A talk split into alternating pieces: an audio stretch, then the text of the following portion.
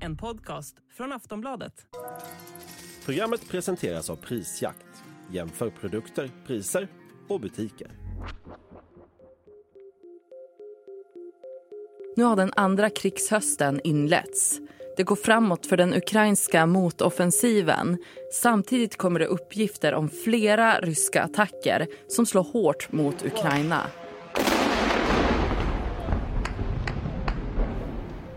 I början av veckan har det rapporterats om ryska attacker mot Lviv i väst, Cherson i söder och mot hamnstaden Reni som ligger nära den rumänska gränsen. Men också om explosioner i de centrala delarna av Ukrainas näst största stad Charkiv i norr. Under den senaste tiden så har Ukraina återtagit mark i de södra och östra delarna av landet bland annat kring den krigshärjade stan Bachmut där några av de mest intensiva striderna har varit sedan Ryssland påbörjade sin fullskaliga invasion. Ukraine says they've liberated another small village. This time it's Klishivka. Samtidigt har Rysslands position på Krim blivit mer och mer utsatt när Ukraina har ökat sin aktivitet i Svarta havet. Och president Zelensky har nu flugit till New York för att medverka i FNs generalförsamling där de bland annat kommer att diskutera om hur mycket internationellt stöd som Ukraina kan få framöver. For us it's very important that all our words, all our messages will be heard by our partners. Så vad innebär Ukrainas framsteg? Vad har Ryssland för strategi i nuläget? Och hur kan det pågående FN-mötet påverka krigets utveckling? Det är några av de frågor som vi kommer att ta upp i Aftonbladet Daily. Jag heter Ellen Lundström. Och med mig i studion har jag Wolfgang Hansson, utrikespolitisk kommentator här på Aftonbladet. Wolfgang, hur skulle du beskriva det senaste som har hänt i Ukraina? Ja, det är ju de här dagliga attackerna. Menar, nu har vi haft attackerna, de ryska attackerna mot Lviv eh, och mot eh, Charkiv. Eh, vi har haft de ukrainska attackerna mot eh, Krimhalvön och, och de eh, ryska krigsfartygen där. Eh, vi har haft ryska attacker nära gränsen till Rumänien där man har de här utskeppningshamnarna eh, som Ukraina använder nu eh, för att skeppa spannmål eh, ut i världen till Afrika och andra behövande länder. Så att det, det är liksom en, en daglig meny av attacker och motattacker. De flesta attackerna är inte jättestora, men det är ändå så att liksom kriget maler på obevekligt från, från dag till dag. Och samtidigt med detta så har vi ju då Ukrainas motoffensiv där man framförallt försöker komma söderut så att säga för att kunna skära av försörjningsvägarna för ryssarna till eh, sina trupper i Ukraina. För det är ett väldigt viktigt område för Ukraina.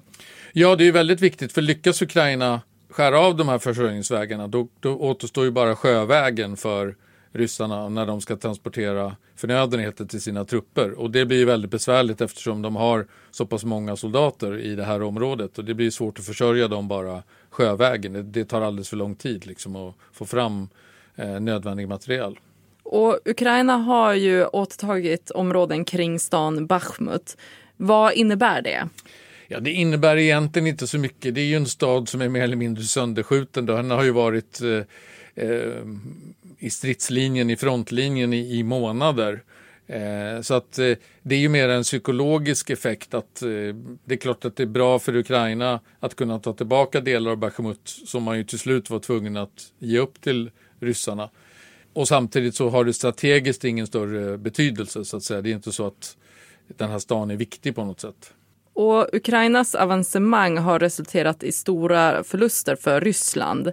Enligt tankesmedjan Institute for the Study of War är det upp till tre ryska brigader som inte kan strida längre. Vad har Ryssland för strategi nu med att försöka pressa tillbaka? Ja, deras strategi har ju varit att gräva ner sig eh, just i Bachmut har man ju inte kunnat göra det på samma sätt som i, längs den södra fronten därför där har ju strider pågått hela tiden. Men man har ju grävt ner sig i, i dubbla och tredubbla led och man håller ju också på att eh,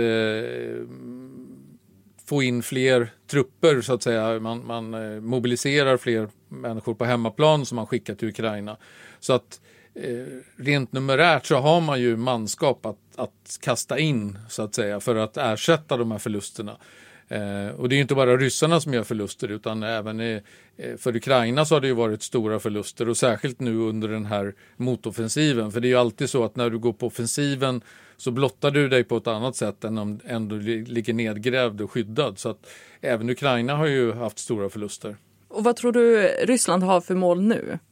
Ja, målet är ju att försöka hålla ut så länge som möjligt, att hålla de här linjerna som man har nu. Fronten ligger ju ganska stilla, även om Ukraina eh, har lyckats ta vissa områden eh, så är det ändå det, det är inga jättestora områden som, som man har eh, återtagit. Och ryssarnas mål är ju att hålla fast vid de här linjerna som är nu, åtminstone fram tills att vintern börjar.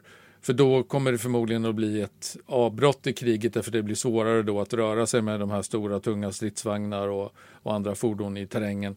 Så man anser väl att de har ytterligare kanske två månader på sig Ukraina max för att bryta igenom på allvar eh, och ta sig söderut och skära av de ryska försörjningsvägarna. Annars så är det förmodligen inte förrän till nästa vår som man kan återuppta den här offensiven på, i någon större skala i alla fall.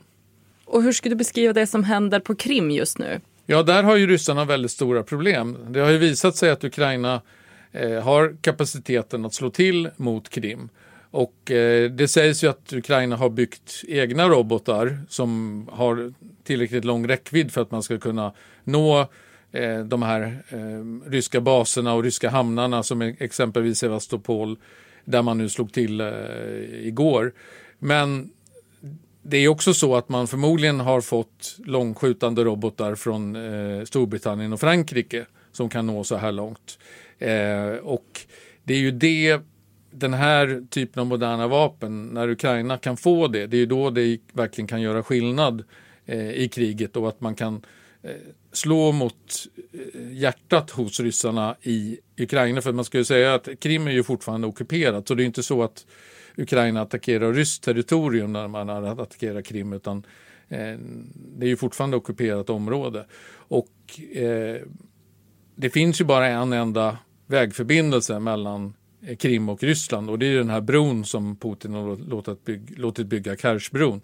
Och där har man ju sett också flera ukrainska attacker de senaste månaderna. Och det är säkert också ett mål att försöka förstöra den bron. För då klipper man av Krim från, från Ryssland eh, landvägen. Ehm, och det, det, är ju ett väldigt viktigt mål eh, för Ukraina. För att Krim är ju en väldigt viktig symbol för Putin. Det var ju väldigt populärt när han på hemmaplan, när han annekterade Krim. Det var ju nästan alla ryssar tyckte det var jättebra för de tycker ju att Krim tillhör Ryssland snarare än Ukraina. Finns det någon chans att Ukraina kan återta Krim i snar framtid? Alltså i snar framtid eh, låter kanske lite väl optimistiskt eftersom man inte ens liksom lyckas med den här eh, offensiven ordentligt. Eh, när man tittar på vad amerikanska militären säger så tror de inte att eh, Ukraina har kapaciteten att, eh, att nu i år ens ta sig genom de här ryska linjerna. Och man ska komma ihåg att de här attackerna mot Krim det är ju långdistansattacker med robotar eller drönare det är inte så att man har, har på något sätt tagit någon kontroll över territorium på Krim utan det är ju att man riktar nålstick mot de ryska eh, väpnade styrkorna där och, och, ryska krigsfartygen som i och för sig då är, är väldigt demoraliserande för Ryssland men det är fortfarande så att ryssarna kontrollerar Krim. Snart är vi tillbaka och då ska vi bland annat prata om hur det pågående FN-mötet kan påverka Ukrainas framfart i kriget. Vi är strax tillbaka. A lot can happen in the next three years. Like a chatbot may be your new best friend. But what won't change? Needing health insurance. United Healthcare Tri Term Medical Plans are available for these changing times Underwritten by Golden Rule Insurance Company, they offer budget-friendly, flexible coverage for people who are in between jobs or missed open enrollment. The plans last nearly three years in some states, with access to a nationwide network of doctors and hospitals. So for whatever tomorrow brings, United Healthcare Tri-Term Medical Plans may be for you. Learn more at uh1.com.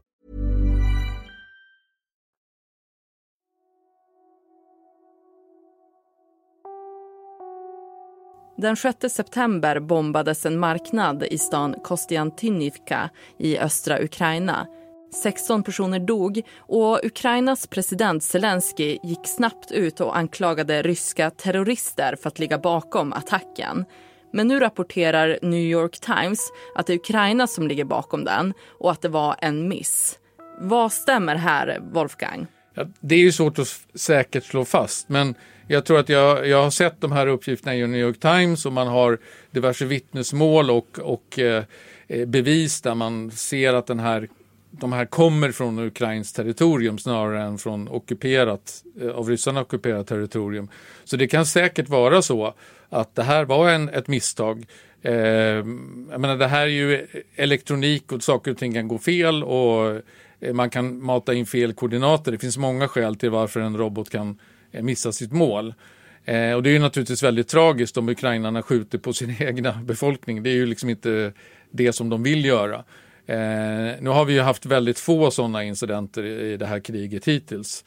Eh, men det är klart att det är ju ingenting Ukraina gärna vill erkänna att man gör, att man har gjort det, för eftersom det är ju ett gravt misstag. Och om det nu ändå har dött en människor, då tycker man ju liksom att det är bättre att försöka få det att framstå som att det är ryssarna som har gjort det och ta hem åtminstone den propagandavinst som det innebär. Men eh, förr eller senare så kommer det ju säkert fram eh, ordentligt liksom, vem det var som sköt den här roboten. Men är sådana här misstag vanliga i krigsföring? de förekommer ju i alla fall. Och jag menar det allra vanligaste det är ju att eh, sidorna medvetet kanske beskjuter sin egen eh, sida för att sen skylla på den andra sidan. Eh, men det tror jag inte man är fallet, även om nu Ukraina skyllde på Ryssland så, så, är liksom, så tror jag inte att det var en medveten beskjutning utan det var nog ett misstag i sådana fall att man sköt på sin egen. För att jag menar, det, Ukraina behöver inte den eh, typen av propaganda därför att man, man har ju ändå ett så otroligt starkt stöd i, Eh, i NATO, västvärlden och Europa eh, för att liksom stå emot den här ryska aggressionen så att man behöver liksom inte tillämpa den typen av metoder. Och när vi pratar idag så är tisdag den 19 september och FN-mötet i New York har inletts. Och där kommer de bland annat prata om kriget i Ukraina och det uppges att USAs president Joe Biden kommer att uppmana till ökat stöd till Ukraina. Hur troligt är det att det kommer gå igenom? Ja, det är varje land som själv bestämmer så att säga vad man vill ge för stöd, så det kommer inte fattas några formella beslut. Alltså generellt sett så kan man väl säga att alltså, väl det stora problemet är ju inte eh, alltså att FN, FNs majoritet av länder vill, vill inte vill ge stöd till Ukraina, utan det stora problemet är ju att inom USA nu att det börjar bli en spricka mellan republikanerna som vill ge eh, mer eller lika mycket eller mer bistånd till Ukraina och de som inte vill ge så mycket bistånd längre. Där håller det på att bli en spricka. Så att beroende på hur det går i presidentvalet i USA nästa år så kan det ju bli så att eh, stödet till Ukraina eh, kommer att minska Eh, och det är därför det är viktigt för Ukraina att slutföra den här offensiven så fort som möjligt och ta tillbaka sitt territorium. För eh, om ett år från nu, eller drygt år från nu, så vet man inte vem som styr i USA och, och då kan läget vara eh, helt annorlunda. Eh, sen tror jag att just i, i, FN så kommer ju säkert stödet för Ukraina att vara väldigt starkt. Men det är ju av de länder som uttrycker eh, muntligt stöd så är det ju långt ifrån alla som ger eh, vapen eller pengar utan det är ju mestadels eh, västvärlden som gör det. Och övriga länder är liksom avvakta mer kan man säga. Och hur beroende är Ukraina nu av att få internationellt stöd? Ja, man är ju helt beroende av det eh, och man har ju fått enormt mycket stöd. Eh, man har ju fått en massa moderna vapen eh, och man väntar på att få mer. Men det är ju, för Ukraina är det ju otroligt viktigt att det här stödet hålls uppe över tid. Eftersom om, det blir så att stödet minskar då, då, minskar ju Ukrainas möjligheter att kasta ut ryssarna från de områden de har ockuperat. Eh, och då kan ju kriget sluta mer i ett någon slags eh, eh, oavgjort resultat, om man ska kalla det, där ingen sida riktigt har vunnit och då kan det här bli en frusen konflikt som kommer att ligga kvar och, och förstöra liksom för vår del av världen under lång tid framöver. Och vad tror du kommer hända härnäst med kriget i Ukraina? Ja, förhoppningsvis så kan Ukraina eh, göra ett mer eh, ordentligt genombrott eh, mot de södra delarna och att man kan ta exempelvis den här staden Melitopol eh, och därmed skära av eh, de ryska försörjningslinjerna. För det skulle betyda otroligt mycket för att försvåra för ryssarna att kunna fortsätta driva det här kriget. För annars så ska man ju veta att Putin har ingen brådska. Han kan hålla på och kriga väldigt länge. Eh, och det kan i och för sig Ukraina göra också. Men just i och med att det är så många olika faktorer i omvärlden som påverkar så är det ju bättre för Zelensky om kriget kan avslutas så fort som möjligt. Det går ju ändå framåt för den ukrainska offensiven och man har ju det här starka stödet ifrån västvärlden. Så att eh, det är ju absolut inte omöjligt för Ukraina att ta tillbaka åtminstone ganska stora områden. Om man sen lyckas ta tillbaka allt, det vill säga inklusive Krim, det är ju en helt annan sak.